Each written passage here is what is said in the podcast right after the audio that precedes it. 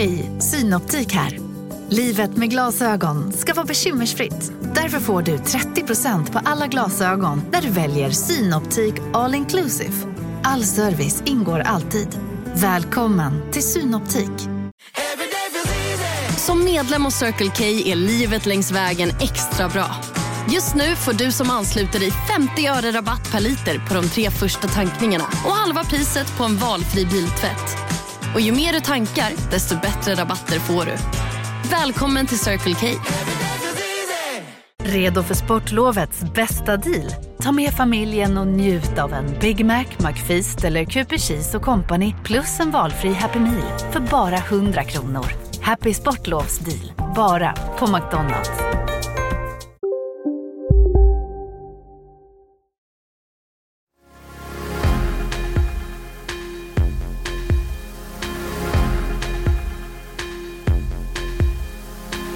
En färg kan betyda olika saker i olika sammanhang. Och så är det med svart och så är det med vitt. Byta namn på en lokal som inte har med rasism att göra, det, det är orimligt. Vem kommer våga skriva en debattartikel igen på Konstfack om det är det här som händer när man söker dialog? Man kan kalla det identitetspolitik men man kan också kalla det att det är antiintellektuella strömningar eftersom känslor och upplevelser går helt före förnuft. Ja, det, det fungerar som en brännmärkning. Eller jag blir som pestsmittad. Är svenska högskolor och universitet genomsyrade av rasism? Behövs det mer normkritik för att studenterna ska kunna känna sig trygga? Designexperten och professorn Sara Kristoffersson hamnade i skottgluggen när hon som enda lärare på Konstfack opponerade sig mot talet om att det fanns rasism i väggarna och att skolans utställningssal Vita havet borde byta namn som en del i arbetet mot strukturell rasism. Sara Kristofferssons debattartikel ledde till att 44 kollegor till henne enades om en namninsamling med kritik. Vad är det som händer på Konstfack? Och vad händer med den som går motströms? Sara Kristoffersson, professor i designhistoria vid Konstfack. Välkommen till fredagsintervjun. Tack. Hur har du påverkats av uppståndelsen som kom efter att du för snart två månader sedan skrev en text i DN om det som dittills hade varit interna diskussioner om påstådd rasism, brist på representation och, och brist på mångfald? Alltså, jag är ju naturligtvis lite trött. Jag är lite mentalt utmattad. Men Um, därför att det var ju ganska intensiva veckor eftersom jag var tvungen och jag ville ju också skriva repliker medan den här debatten pågick. Och då blir man lite trött. Men um, uh, samtidigt är jag ganska nöjd över att jag skrev min första debattartikel. Och eh, som du nämnde inledningsvis här, det här är ju diskussioner som har pågått på Konstfack i flera år. Eh, så det var också ganska skönt att få skriva den. Så du, du har inte alls ångrat då att du tog till orda på det här viset? Nej, inte det minsta. Eh, tvärtom så känns det ju ganska, alltså att det blev en sån debatt. Ehm, den tog ju lite olika riktningar. Men det vis, att det blev en sån stor debatt visar ju att frågan skär rakt in i samtiden. Och att den engagerar så många.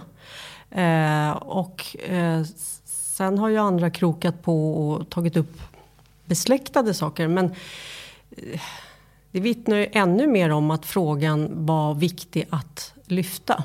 Så att, för det har blivit nu någon slags offentligt kulturbråk. Tidigare var det liksom innan väggen, innanför väggarna där i telefonplan där Konstfack ligger. Men du menar att det är en poäng att det nu ligger framför oss alla det här?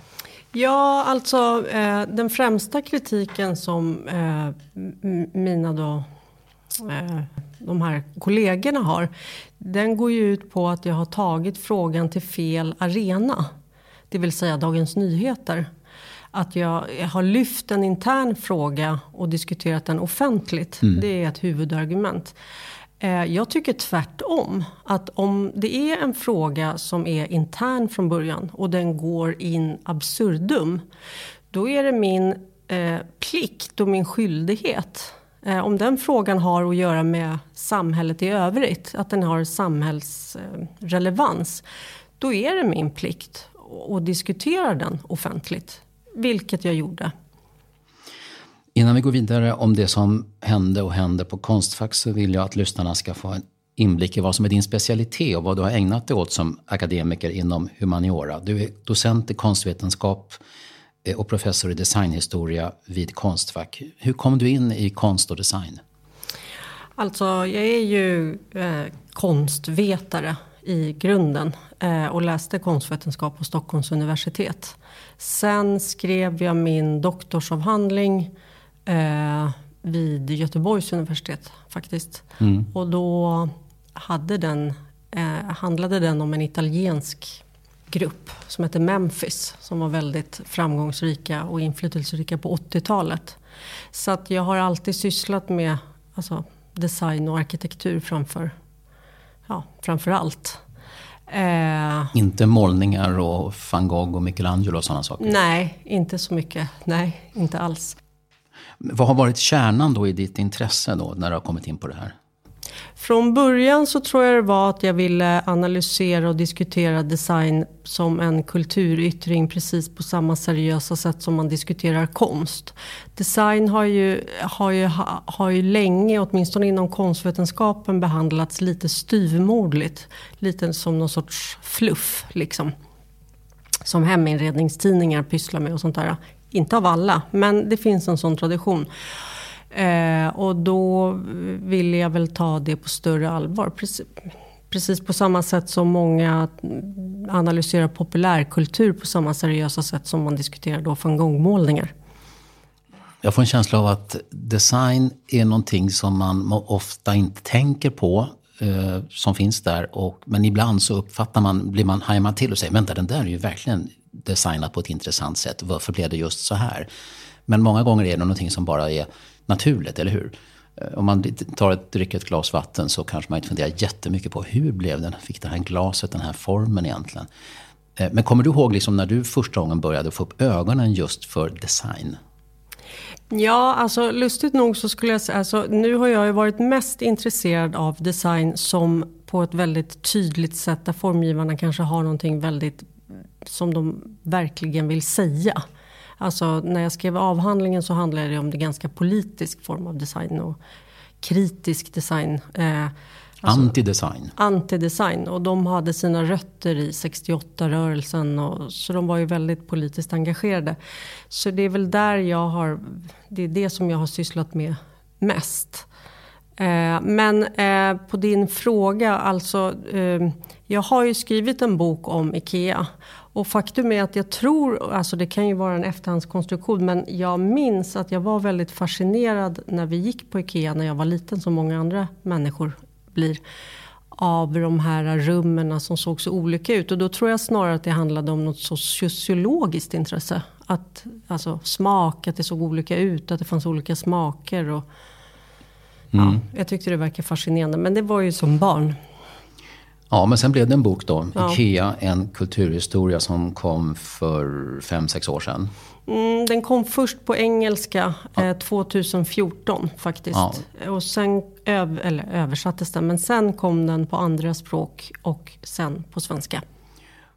Och eh, vad jag förstår så kommer du in lite grann på nationalkaraktärer, här berättelser om svenskhet. Eh, för boken, den, den, där finns det ju en koppling mellan vad IKEA producerar, säljer och är och uppfattningen vad som är typiskt svenskt, eller hur? Mm.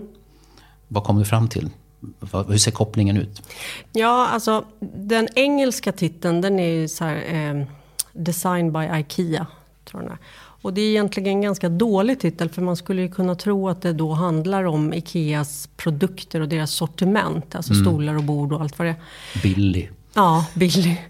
Men eh, egentligen så är det ju så att IKEA producerar ju inte bara prylar och saker och heminredning. Utan de producerar även berättelser. Eller storytelling som det heter mm. på engelska. Eh, och då var, och, um, IKEA är en föregångare inom det som kallas för corporate storytelling. Eh, och då var jag i, ja, de producerar även historier och framförallt så producerar de ju då historier om sortimentet och om IKEA och om Sverige och om svenskhet. Eh, och de historierna har varit, många säger ju så här att Ikeas framgång beror på platta paket och billiga produkter. Men jag skulle nog snarare säga att en viktig förklaring till Ikeas framgångar är att de har varit så framgångsrika i det här historieberättandet. Och då var det ju då framförallt deras bild av Sverige som ju sedan länge är väldigt... Eh, Sverigebilden är ju väldigt eh, effektiv eh, i marknadsföring. Men vad är, det de, vad är innehållet i de här historierna som du menar att IKEA skapar och traderar? Ja, alltså de kopplar ihop sig väldigt mycket med folkhemmet och svensk socialdemokrati. Och man skulle nästan kunna tro att de går hand i hand. Men då är det ju lätt och, och det är väldigt säljande. De använder sig av den här väldigt säljande och positiva bilden av Sverige som ett rättvist och jämlikt välfärdssamhälle. Eh, som man anspelar på. Sen kan man ju diskutera huruvida och i vilken mån de själva bidrar till det välfärdssamhället eftersom de men det är en medveten berättelse menar du från Ikeas sida? Ja, det är absolut en medveten berättelse. Alltså på 50 och 60-talet så stavades Ikea Ikea med exang och hade inte alls någon svensk profil. Eh, produkterna hette Tender och Swing och Capri. Lite international style där ja, i början alltså? det var väldigt kontinentalt så. Mm. Utan och sen på 70-talet så började man använda sig av svenska symboler men då använde man sig mer av såna klassiska traditionella markörer som älgar och vikingar och sådana saker. Eh, för att visa att man var svenska. Det var sen först på 80-talet som den här bilden som vi är vana vid idag skapades av en reklambyrå. Framförallt Brindfors eh, heter reklambyrån. Och det är ju blått och gult sedan ett antal år, det är Ikeas färger. Ja, men en logotyp, deras blågula logotyp är ju, en logotyp är ju så att säga inkörsporten till ett varumärke. Så det är ingen slump att deras logotyp är gul och blå. För den svenska profilen är ju kärnan i varumärket. Det finns det här talesättet som man har hört massor med gånger. Per Albin Hansson skapade folkhemmet, Ingvar Kamprad möblerade det. Mm, mm. Eh, det där har de inte liksom försökt undvika på något vis från Ikeas sida. Utan är, är det någonting som man är tack, tar tacksamt emot? Eller till Nej, det har, tar man tacksamt emot. För att eh, Kamprad eh, hänvisar ju ofta till folkhemmet och Per Albin Hansson. Och det är ju svårt att veta. Alltså, jag skulle säga att man många gånger slår mynt av det. Eh, men sen i boken så diskuterar jag också alltså, att ett företag väljer en svensk profil och att ett företag ska tjäna pengar. Det är ju inget konstigt för företag ska tjäna pengar. Men sen kan man ju fråga sig, vilket jag diskuterar, huruvida Sverige sen ska använda IKEA som en representant för Sverige. För då måste man börja fråga sig vilken bild är det som visas upp? Eh, och är det verkligen ett varumärke som ska representera ett helt lands kultur, ideologi och, och så vidare? Du har en kritisk infallsvinkel där. Ja, men alltså de flesta, det har inte skrivits så många böcker om IKEA och de böcker som har skrivits stryker medhårs. Eller så har de skrivits av kanske någon som är före detta medarbetare. Eller är, så att jag skulle nog snarare säga att min ambition var att ge en nyanserad bild. Eh, eh, av IKEA. Och de, eh, jag fick ju tillgång till, till material. Så det var inte så att de var mot mig på något sätt. Men mm. nej, en nyanserad bild så som forskning ska vara. Men de har blivit en bild av svenskhet eh, som både finns här i Sverige men också i övriga världen så är IKEA någon slags skyltfönster för den svenska modellen. Är det så? Ja, IKEA är ju som någon sorts nationalmonument. Eh, och och eh, Kamprad är också en sån som man ogärna får kritisera för att han är lite av en folk, eller var lite av en folkhjälte. Eh, och Ikea blev föremål för en hel utställning på konsthallen Liljevalchs i Stockholm 2009. Mm. Det, det, är väl något av en upphöjelse? Mm. Men det, den ställde jag mig kritisk till faktiskt. Därför att jag tycker inte att det är fel att göra en utställning om ett varumärke. Eh, men jag är, ställer mig... Man kan fråga sig där, om jag inte minns fel så var de med och finansierade. Och jag mm. tycker inte att eh, kommunala konsthallar ska fungera som annonstavla åt kommersiella varumärken. Sara Kristoffersson, tillbaka till Konstfack mm. och de inre slitningar på skolan som ledde fram till den här debattartikeln som du skrev i början av februari. Vad ville du säga med den där texten? Rubriken var i Dagens Nyheter Nej, Vita havet på Konstfack har inget med rasism att göra. Nej, Alltså, nu är det inte jag som sätter rubrikerna, men jag ser inget fel i den rubriken heller. Utan det jag ville diskutera, det var en sakfråga och det var eh, förslaget att ändra namn på utställningslokalen Vita havet, som har hetat så sedan 50-talet. Så det var en sakfråga som jag ville diskutera, men jag ansåg också att den hade principiell räckvidd. Därför att den principiella frågan var ju, vad går, ja, inom citationstecken, gränsen för vad vi kan tolka rasistiskt? Därför att om man eh, ska vika sig för den här typen av namnförslag, då kan ju det få helt orimliga konsekvenser. Så fort någon känner sig kränkt av ett namn så ska vi byta det. Det går ju inte. Så att frågan var, det var en sakfråga och den hade med namnförslaget att göra och den, jag ansåg att den var principiell. Inte minst också eftersom det finns många sådana tendenser internationellt sett eh, med det som brukar kallas för identitetspolitiker. Mm, så vitt jag har förstått så har den här gruppen som går under namnet Brown Island inte direkt krävt att Vita havet byter namn, men det är ett förslag, en idé Eh, och gruppen har sett det som en symbol och ett namnbyte kan bli man kan ha en ritual eller en högtid för att signalera att nu tar vi tag i någonting som påminner om en historik som man kanske inte ska vara stolt över. För Konstfack har enligt den här gruppen ett förflutet som präglas av eh, förtryckande och ojämlikhetsskapande strukturer som hemsöker institutioner där vithet är dominerande som gruppen skrev i ett inlägg i Dagens Nyheter den 5 februari. Har gruppen någon grund för att beskriva Konstfack som en skola med den här sortens problem? Um, alltså jag håller ju inte med om att Konstfack har en sån historia. Och återigen så var det ju just namnfrågan. Och om, eh, jag vet att de hakar upp sig på att jag skrev att de kräver namnförslag och de menar på att vi, det var ett förslag. Men det är ju en semantisk fråga huruvida man kräver någonting eller om man har ett förslag. Om man har ett förslag att byta på namn på en lokal då är ju det en sorts krav. Man kanske ansöker om man får byta. Ja, men det, saken är den att namnet i sig har ingenting med rasism att göra. Den har en, namnet har en helt annan historia som inte på det minsta sätt har med rasism att göra. Och jag jämförde ju också det med tidigare eh, debatter som har varit i Sverige. Till exempel Tintin och Pippi Långstrump. I de debatterna, där finns det åtminstone rasistiska stereotyper. Men i det här fallet så finns inga sådana kopplingar. Och då ser inte jag något skäl till att man ska byta namn. Egentligen var det ett ganska sakligt påpekande. Att Men det här... är, är namnet viktigt?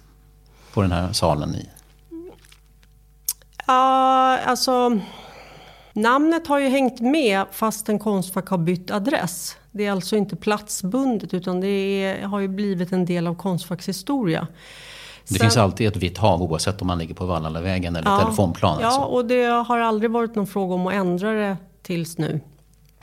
Men, men jag tycker mer att frågan principiellt är intressant eftersom eh, man kräver eller för, föreslår att byta namn på någonting som inte har någonting med rasism att göra. Och det är därför den blir, får en räckvidd och blir mer eh, blir angelägen att diskutera i allmänhet.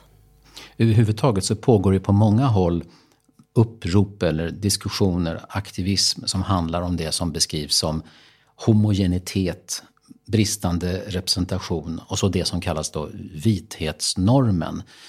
Har du någon förståelse för de som vill sätta ljuset på det här för att eh, uppnå en förändring så att alla i en skola, oavsett varifrån man kommer eller man har för identitet eller etnicitet, känner sig likvärdiga och trygga? Uh, ja, det har jag förståelse för. Och jag har ju aldrig vänt mig mot att man ska bedriva ett antirasistiskt arbete om det behövs. Eh, sen tycker jag att man ska bedriva förändringsarbete när det gäller många olika saker. När det gäller mångfalden på konsthögskolor så det tog jag också upp, så finns det ju en risk att det skuggar andra problem. Som till exempel klass och social snedrekrytering. Allt handlar inte om ras. Det som är problemet tycker jag med eh, den här typen av strömningar det är att de är ovilliga till att ta till sig historia och eh, fakta och, och, och bortdefiniera det. Det avfärdas, kunskap avfärdas eh, till förmån för grupptillhörighet. Det finns något som heter den eh, vita kuben. Det är ett eh, utställningsformat. I alla fall om man googlar på termen så, så är det det. Det är ett system för, eller ett sätt att visa konst i en inramning som låter konstverken andas i och med att det är stora vita ytor bakom eller runt om eller under och sådär. Eh, och när den här nu får du rätta mig om jag har fel för det är inte min specialitet, mm. men när den här konventionen, vita kuben, infördes så ansågs det att vitt, det var den mest neutrala färgen som inte så att säga tog uppmärksamhet, antar jag, från, mm. från konsten. Frågan är om vit färg är neutralt, vad säger du? Nej men precis som alla färger så sitter inte, alltså betydelsen hos olika färger sitter inte i färgen. Det vill säga vi kan inte ta en färg och stoppa den i ett provrör och så, så kommer provröret fram till att den här betyder det och det. Utan alla betydelser när det gäller färger de skapas i ett större sammanhang. Det vill säga rött betyder i ett eh, första maj-tåg så förknippas det med radikalism och socialism. Vid ett övergångsställe så betyder det stopp, stanna. Och eh, om vi skickar ett alla hjärtans dagskort med hjärtan så betyder det kärlek. Det vill säga en färg kan betyda olika saker i olika sammanhang. Och så är det med svart och så är det med vitt. Vitt förknippas ju också med mm, kontrarevolutionärer. Det förknippas med oskuld. Um, ja, det, alla färger har olika betydelser. Sen så är det ju så att vissa färger kanske är mer laddade än andra. Men svart har ju heller inte bara med... Det har ju även med... Man kan tänka på Baudelaire och... Eh, alltså, dekadens och sex och död. Och, det finns ett helt spektra. Så att, att enbart koppla vit till rasism, det är snävt. Och som sagt, det här med vita kuben Ja, det är ett eh, etablerat begrepp i konstvärlden eh, sen länge. Men Vita havet på Konstfack som namn har heller ingenting med Vita kuben i konstvärlden att göra. Hur kom namnet till då? Namnet kom till när Konstfack låg på Mäster Samuelsgatan. Eh, och då i en större ateljé så rev man väggar för att få in mer ljus. Eh, lokalen målades vit och sen som någon sorts republikansk blinkning till slottet. Som också hade en sal som hette Vita havet. Så kallade man den Vita havet. Och sen så följde namnet med när skolan sen flyttade till Vallalavägen. Och sen när skolan flyttade till eh, mm. Telefonplan. Eh, Brown Island skrev i sin text på DN som var i polemik med din första artikel att Konstfack har ett förflutet som man kan upptäcka om man går in i arkiven på skolan. De vittnar om hur studenter och lärare iklär sig blackface och rasistiskt språkbruk. Eh, om man, om man söker kan man alltså finna rasistiska rötter i Konstfack? Alltså, du kan hitta blackfaces om du går in i Sveriges Televisions arkiv också. Därför att på 50-talet så hade man black, alltså så användes det och det är klart att det är rasistiskt. Men det betyder ju inte att Konstfack är rasistiskt för att man har hittat en bild, ett fotografi på något studentjippo där någon har ett blackface. Eh, det är en väldigt svag... Det, den typen av rasistiska stereotyper har funnits på många institutioner i hela samhället. Vad är då Rhine Island ute efter? Det måste du egentligen fråga Brown Island och inte mig. Men jag tror om, eh, att de är ute efter ett, att man ska bedriva ett antirasistiskt arbete. Och det är såklart att det inte är något fel med det. Men den här namnfrågan, det var ju flera i andra debattartiklar som försökte få det till en bagatell. Och det har det inte varit. Utan jag har ju suttit på möten och diskuterat, den här frågan har varit central. Och det är ju inte undra på att den har varit det eftersom förslaget är helt befängt, tycker jag. Um, sen tror ju inte jag att man... Um, jag tror ju att... att um, jag tror snarare att komma med den här typen av, av eh, förslag, det kan snarare fungera som kontraproduktivt i ett antirasistiskt arbete. Därför att de framstår som stollar. Eh, därför att man blir inte av med rasism för att byt, genom att byta namn på en lokal vars namn inte är rasistiskt. Vilka är Brown Island? Vad jag förstår så består gruppen inte huvudsakligen av unga personer som nu är studenter på Konstfack. Alltså, det är ingen som riktigt så här, de som har Konstfacks ledning tycks inte riktigt veta vilka det är. Jag har frågat. Eh, de studenter, eller inte studenter, men de personer som har uttalat sig som representanter för Brown Island under den här debatten, de är inte studenter. De gick ut för flera år sedan. Eh, så att, att påstå, ja, de är åtminstone inte studenter. Så du har inte liksom suttit i en dialog med Brown Island någon gång på riktigt då, låter det som? För de, det är ett, det är ett anonymt kollektiv. Ja, nej. Utan jag har suttit i råd och sammanträden eftersom deras förslag har tagits på allvar. Och det har startats en arbetsgrupp på Konstfack som ska mm. reda ut det här. Så har ju det här också kommit in eh, i råd och sammanträden när de här frågorna har diskuterats. Så de har ju blivit väldigt hörda på. Rektorn på Konstfack heter Maria Lantz. Hon har en blogg på Konstfacks hemsida och har beskrivit sin syn på Vita havet och de processer som pågår på högskolan. Jag uppfattar att hon har mycket stor förståelse för den här verklighetsbeskrivningen som kommer från Brown Island. Hon har ju skapat en arbetsgrupp som du sa som har namnet Our Spaces, mm. Våra rum. Mm. Eh, och som den här gruppen då, arbetsgruppen ska konkretisera en del av det som Brown Island har ägnat sig åt, skriver hon. Eh, hon skriver också att eh, hon inte har någonting emot en offentlig debatt. Men i strömmen av artiklar som har publicerats har viktiga inre processer och samtal fragmentiserats och ryckts ur sitt sammanhang. Skriver hon. Men rektorn hoppas ändå att erfarenheterna kan leda till reflektion och eftertanke kring ett gemensamt mål som då är minskad snedrekrytering, en inkluderande utbildning, sann antirasism. Har ni en snedrekrytering till Konstfack och vad utgör den i så fall av? Ja, det... Big Mac har miljarder fans över hela världen. Under mer än 50 år har den skapat popkulturell historia. En legend med 100% nötkött och den mytomspunna såsen. Nu finns Big Mac för bara 39 kronor på McDonalds. Hej, Susanne Axel här. När du gör som jag och listar dig på en av Krys vårdcentraler får du en fast läkarkontakt som kan din sjukdomshistoria. Du får träffa erfarna specialister, tillgång till lättakuten och så kan du chatta med vårdpersonalen. Så gör ditt viktigaste val idag, lista dig hos Kry.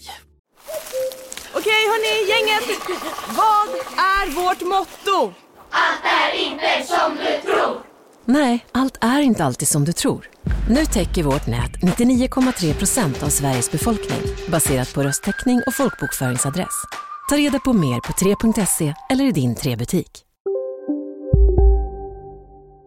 Det är lite svårt för mig. Alltså jag, ehm, det måste man ju ha statistik för att kunna uttala sig om. Både när det gäller ja, det ena och det andra.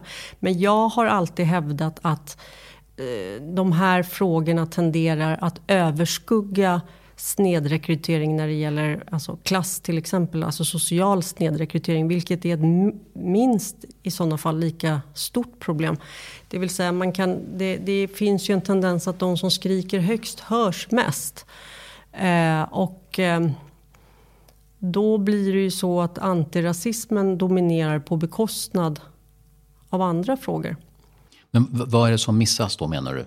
Eller vilka är det som inte finns med på Konstfack bland studenterna och som borde vara där av något skäl? Konstfack har alltid, det har alltid varit en, eh, eh många studenter från medelklassen och övre medelklass på Konstfack. Och det har alltid varit, eh, och det gäller nog för många konst och designhögskolor. Och det har varit färre från eh, arbetarklassen. Om det nu finns någon arbetarklass längre. Men alltså, ja. Vad är problemet att det inte är en spegling av, av samhällsstrukturen när man tittar in på vilka som är studenter? Så det har jag svårt att svara på. Eh, och det bör man väl arbeta med och det tror jag också att man arbetar med. Men då bör man väl arbeta brett med det. Om man ska få in hela, få in representanter för hela samhället. Utbildningen ska vara inkluderande, heter det. Vad menas med det? Ja, så det där är ju också återfrågor som du får ställa till eh, Maria Lantz. Men det står ju också att, att, att, utbildningen, och det är någonting som man flaggar med tydligt, som många andra lärosäten, att utbildningen ska präglas av ett kritiskt tänkande och intellektuell självständighet. Och det tycker jag inte att det gör när man skriver en debattartikel och sen så eh, Alltså jag söker ju dialog och jag söker ett offentligt samtal och en debatt. Och sen besvaras det med en namninsamling. Det betyder ju att eh, man uppmuntrar inte alls kritiskt tänkande. Jag ska komma tillbaka till, ja. till den där reaktionen där. Men ett annat ord som är vanligt förekommande i det som har sagts och skrivits både från rektor och från Brown Island är minoritetsstress. Eh, det har du hört? Ja, men jag vet inte riktigt. Och samma, samma ord förekommer i en insändare i Sydsvenskan för några veckor sedan. Skriven av en grupp studenter på sexologimastern vid Malmö universitet. De anser sig ha upplevt rasism vid upprepade tillfällen under utbildningen. Eh, det saknas något i den, skriver de, nämligen viktiga perspektiv samt ett inkluderande och normkritiskt förhållningssätt i undervisningen och i klassrummet. Eh, och för de här studenterna har bristerna, i den insändare man skrivit, inneburit både otrygghet och minoritetsstress. Eh, är det ungefär samma sak som sägs här som det som sägs på Konstfack tror du? Eller någonting ja, annat? det är ju samma, vad skulle jag säga, jag skulle kalla det för något antiintellektuella strömningar. Eh, eh, och jag har ju lättare att svara på det som gäller Konstfack än i Malmö. Men Um, jag försöker se om det finns paralleller om ja, det här. Ja, det är klart att det finns paralleller. Det är klart att det finns paralleller, men om jag minns rätt i Malmö var det ju så att hon visade bilder och, och varnade för att bilderna var obehagliga och sen ville de inte se bilderna och kallade det för ett otryggt rum. Och där håller jag helt och hållet med den läraren. För att kunna diskutera rasistiska stereotyper i bilder så måste man ju rimligtvis visa dem de tyckte inte att det spelar någon roll om intentionen var god för man ska inte behöva utsättas Men för hur, det där. Ja, fast hur ska man kunna problematisera och ta itu med rasistiska stereotyper om man inte... De skrev i insändaren i Malmö att de vill att utbildningen ska inkludera postkolonial och maktkritisk litteraturs belysning av sexualitetsdiskursen. Vi ville ha bättre representation bland föreläsare då samtliga varit vita personer. Vi föreslog kompetenshöjning för lärare och studenter om rasism. Jag skulle tro att, att många som är lite äldre personer som befinner sig långt från den här universitets och högskolevärlden, när de hör sånt här så tänker jag, om jag ska hårdra en aning, antingen tänker de så här, oj vad mycket rasism och diskriminering som studenter utsätts för nu för tiden. Eller, de verkar hitta rasism i det mesta eftersom de väljer att tolka allt möjligt som rasism. Det låter på dig som att du lutar åt det andra alternativet. Jag lutar åt det andra och jag tycker att de är antiintellektuella därför att eh, enligt deras sätt att se det så är det inte kunskap och förnuft som räknas. Det vill säga Eh, enligt det sättet att se så kan en manlig vit historiker inte skriva om en svart kvinnas öde Eh, och en eh, kvinna som är heterosexuell kan inte skriva om en eh, manlig homosexuell. Därför att det kan man bara då göra om man tillhör den gruppen. Och det tycker jag är helt fel. För det, då slår det, det, det slår helt ut kunskap och eh, eh, helt och hållet. Där, och det, det, är ju en form av rasism. Skulle jag säga. På vilket om, sätt då? om, om det sitter i hudfärgen. Om jag inte kan, om jag inte kan skriva om då, eller om en man, vit manlig historiker inte kan skriva om en svart kvinna för att han är vit. Då är ju det en sorts rasism. Så kan man ju se det. Men skulle motsatsen bli aktuell på samma sätt om det är en, en svart manlig historiker som skulle vilja skriva om en, en vit kvinna? Ja men det är klart att han måste kunna skriva om en vit kvinna. Poängen är ju här att eh, grupptillhörigheten på något sätt trumfar vetande. Det är väl själva kunskap och vetande enligt mitt sätt att se det som är det viktigaste. Men det... enligt deras sätt att se det så är det grupptillhörigheten och hemvisten i en särskild grupp. Var står rektorn i den här diskussionen? Ja, alltså det är lite... Alltså, det måste du ju också fråga henne därför att det är svårt för mig att svara på. Men har du framfört liknande argument som du gör nu här eh, internt? Ja, jag har också varit öppen med att eftersom det här är en principiell fråga så är den här angelägen att diskutera offentligt. Så jag har varit öppen med att jag kommer att skriva om den. Som ni väl har märkt eller förstått så finns det en särskild idé bakom Kvartal att erbjuda kunskaper och insikter och intressant material för människor som vill bli informerade och som också vill kunna tänka själva. Och det bygger på att en del i vår publik vill ge ekonomiska bidrag. Vi vill gärna att fler stöder oss, men vi kommer inte att lägga upp betalväggar. Det är inte vår stil. Nu fortsätter intervjun med Sara Kristoffersson. Jag tänkte, den, här arbetsgruppen på Konstfack, Our Spaces, mm. våra rum. Mm. Eh, det påminner om termen safe spaces, mm. som är vanlig på amerikanska universitet. Eh, för de som önskar att det ska vara ett safe space, så det är ett slags skydd mot att utsättas för obehag eller kränkningar.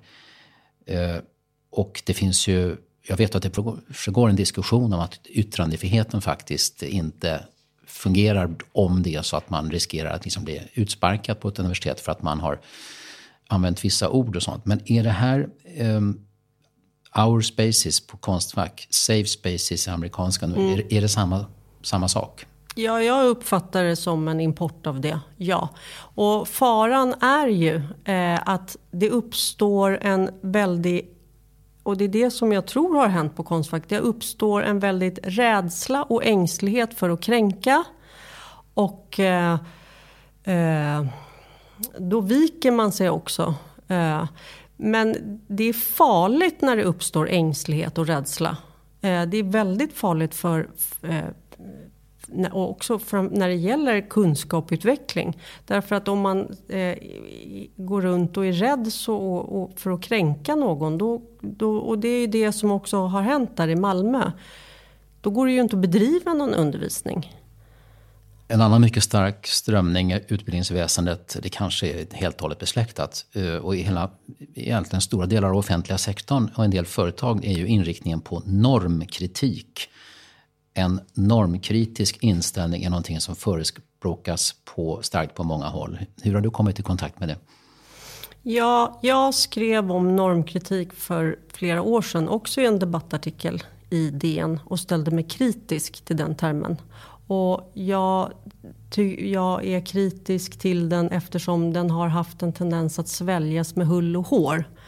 Eh, och används liksom på ett slagordsmässigt sätt i alla tänkbara sammanhang. Och ganska ogenomtänkt tycker jag.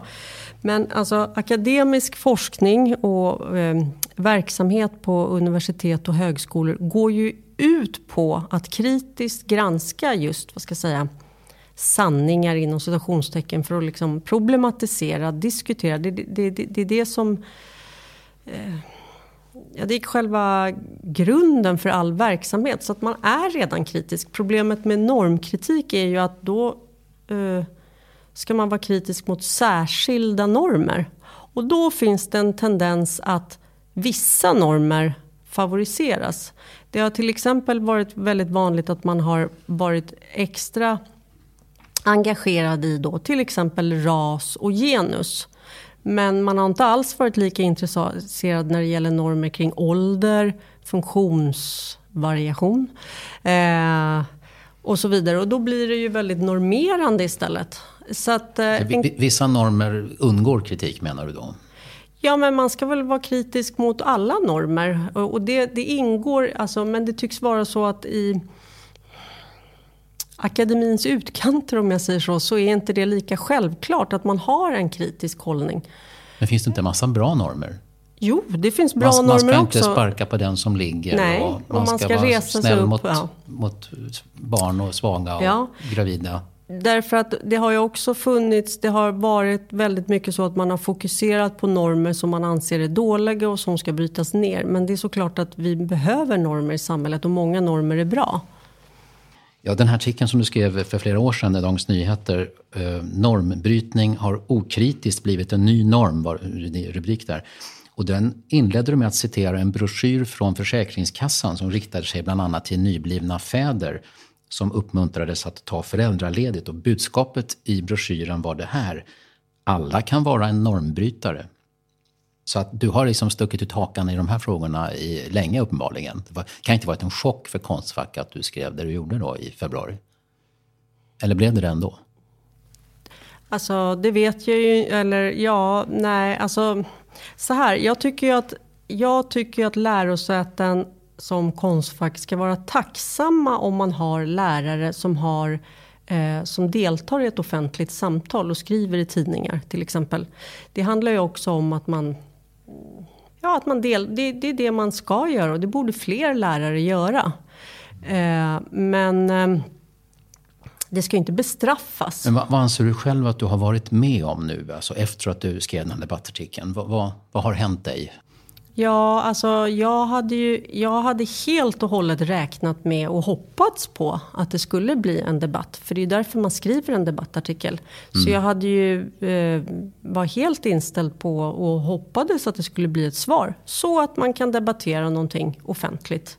Eh, som har relevans för, liksom, för allmänheten. Mm. Det Men- kom ju en reaktion också, eh, nämligen en namninsamling från 44 kollegor till dig. Professorer, lektorer och doktorander på Konstfack. 44 personer som skrev, ja vad var budskapet där? Nej, det, det, det arrangerades en namninsamling och den koordinerades av en utbildningsadministratör på Konstfack. Eh, men det var inte bara en, en, en namninsamling som, som eh, arrangerades utan dessutom så skickade en administratör eller en person med en administrativ tjänst och lärarlag också ut eh, massmail till studenterna. Och det är nästan ännu allvarligare tycker jag. Eller ja, jag vet inte om man går och gradera här. Men genom att göra det så blir det ju som någon sorts cancel culture på Konstfack. Det vill säga man skickar ut ett massmail där man skarpt tar avstånd från mig som person. Eh, och mina åsikter. Och så här är det ju på högskolor att studenter ska uppmuntras just som sagt att tänka kritiskt och de ska framförallt uppmuntras att tänka själva. Men när man skickar ut ett massmail till studenter och pekar ut en lärare och menar att hon tänker fel, tänk så här. Då det, det är ett typiskt exempel på pekpinnar till studenter. Tänk rätt. Så man lär dem inte att tänka utan man lär dem, man, de ska lära sig att tänka rätt. Och det är allvarligt. Hur många studenter är det som fick det där mejlet? Hur många som helst. Jag menar, det var ju ett massmail. Men många, jag vet inte hur många som går på Konstfack. Ja, det är flera hundra, men det skickades ju till... Det skickades ut från två institutioner. Eh, från konst och eh, visuell kommunikation eller grafisk design. Men så här är det ju med mail så skickas ju de vidare. Men bara det, där har vi ju minst hundra. Men vad blir effekten när det, när det blir en sån här reaktion? Cancel culture, säger du. Vad, vad ligger liksom i, i förlängningen på detta?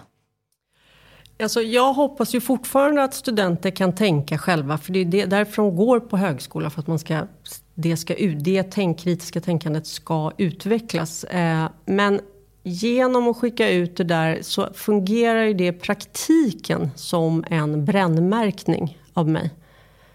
Alltså det blir ju svårt. Jag avser ju att fortsätta att föreläsa och skriva och allting. Men det är ju ett sätt att eh, Ja, det, det, fungerar som en brännmärkning. Eller jag blir ju som pestsmittad. Om deras egna lärare skickar ut ett, ett mejl där de skarpt tar avstånd från mig. Det låter som att du är missnöjd med vad som har hänt här. Eh, vad, vad, tycker du att eh, ledningen för Konstfack bör, bör göra som för att liksom, det ska bli rätt? Alltså ledningen, jag har egentligen ingen kritik. Konstfack som lärosäte eh, försöker nog göra rätt. Nu pågår en utredning om de här massmejlerna eh, som sig bör. Däremot att bedriva namninsamlingar. Eh, dels så är det så att det kommer bli en fara med att som jag också frågade mig i en av mina repliker. Vem kommer våga skriva en debattartikel igen på Konstfack. Om det är det här som händer när man söker dialog så får man konfrontation.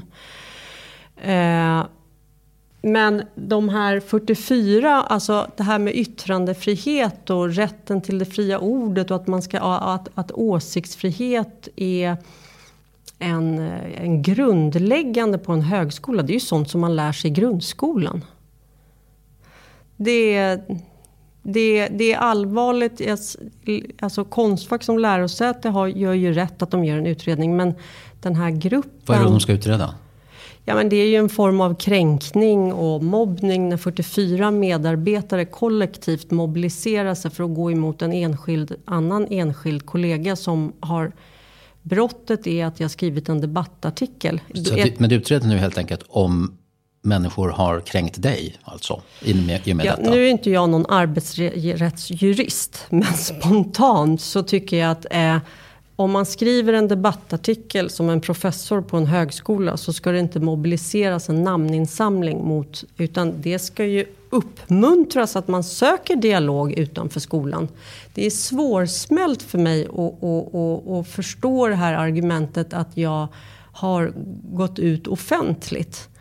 Um, ja, och ja, spontant så tycker jag om 44 stycken går samman mot en individ så tycker jag att det är en kränkning och att det är en form av mobbning.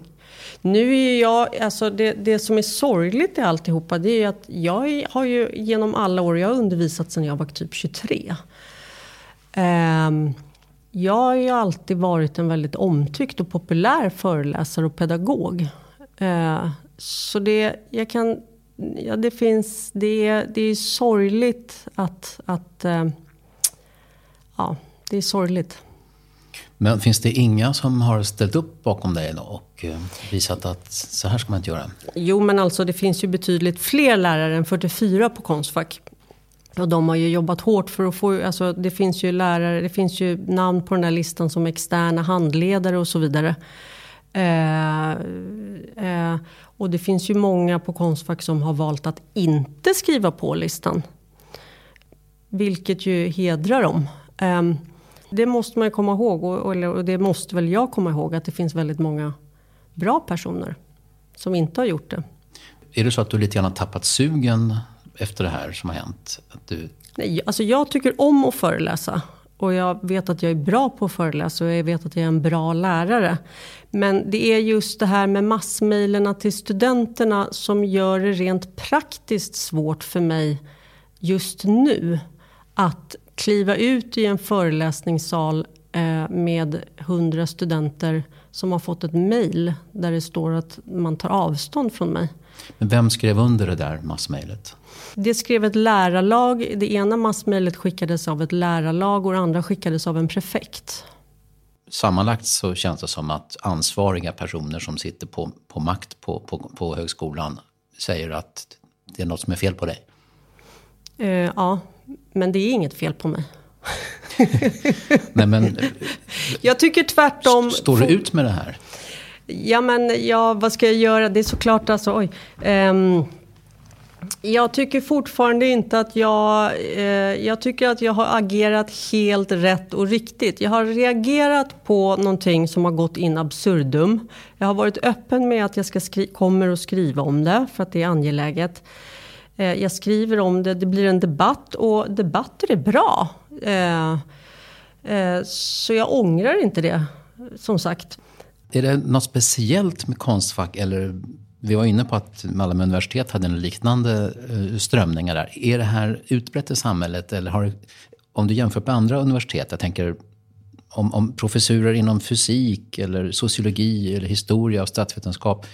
Eh, är, är, det, är det någon annan, annan kultur eller eh, värderingsmönster eh, där än på just konst, konsthögskolor? Alltså jag har lite svårt att jämföra eftersom jag mest har undervisat på Konstfack. Även om jag undervisar på flera andra lärosäten också. Men eh, det är ju uppenbarligen tydligt att det här kritiska tänkandet inte är lika självklart för lärarna åtminstone. Um, Sen tror jag det här, det, det är ju ett liknande, det, här exemplet som du tar upp från Malmö, det är ju ändå ett likartat, ut, besläktat. Så jag tänker att det är, och alltså just det gör det ju ännu mer angeläget att diskutera det. För att är det de här strömningarna, då bör de också diskuteras. I ditt fall så är det ju både ett antal lärare och studenter, eller åtminstone Före detta studenter. För, detta studenter. Men det är både från lärar och studenthåll som man, som man eh, ingriper på ett sätt som du menar beskär din yttrandefrihet och möjligheten att, och, och att det liksom dämpar hela tanken med kritiskt tänkande. Eh, vad, det är väl ganska allvarligt om det är på det viset och eh, Ser du några tendenser till att utvecklingen ska vända tillbaka till, till den akademiska frihet och vilja till att stöta och blöta olika mm. uppfattningar mm. utan ängslighet. Finns det något sånt som tyder på det? Ja, jag tror att faran, och det gäller väl inte bara Konstfack utan det gäller nog alla möjliga institutioner. Faran är när den här ängsligheten breder ut sig och den här rädslan för att kränka. För att bli utpekad som det ena eller det andra. Eh, den är farlig. Eh, därför att då blir det väldigt svårt att diskutera eh, saker. Så ängsligheten att kränka, eh, den är farlig. Men, och det specifikt som har hänt på Konstfack är ju att det är såklart att eh, det är ju inte ett sånt samhälle vi vill leva i. Eh, där debatter tystas och, och, och personer tystas. Ehm, det, det, tror jag, det, det vill i alla fall inte jag leva i, ett sånt samhälle. Men de som har stått bakom den där linjen som för dig har blivit olycklig, säger vi inte själva att eh, ja, det är min ängslighet som gör att, att jag agerar så här. Utan det är väl snarare att eh, de menar att eh, vi ser till att skapa en trygghet, inkludering, bort från snedrekryteringen, bort från unkna värderingar, trygghet så att folk kan utvecklas och känna sig välkomna varifrån de än kommer. Det är väl de har väl den bilden av att jo, de gör? men högskolor, alla högskolor ska vara inkluderande. Men det var inte det min debattartikel handlade om. Utan debattartikeln, den första, den handlade om namnfrågan. Och den namnfrågan som, som eh, är en sakfråga, den undviker man.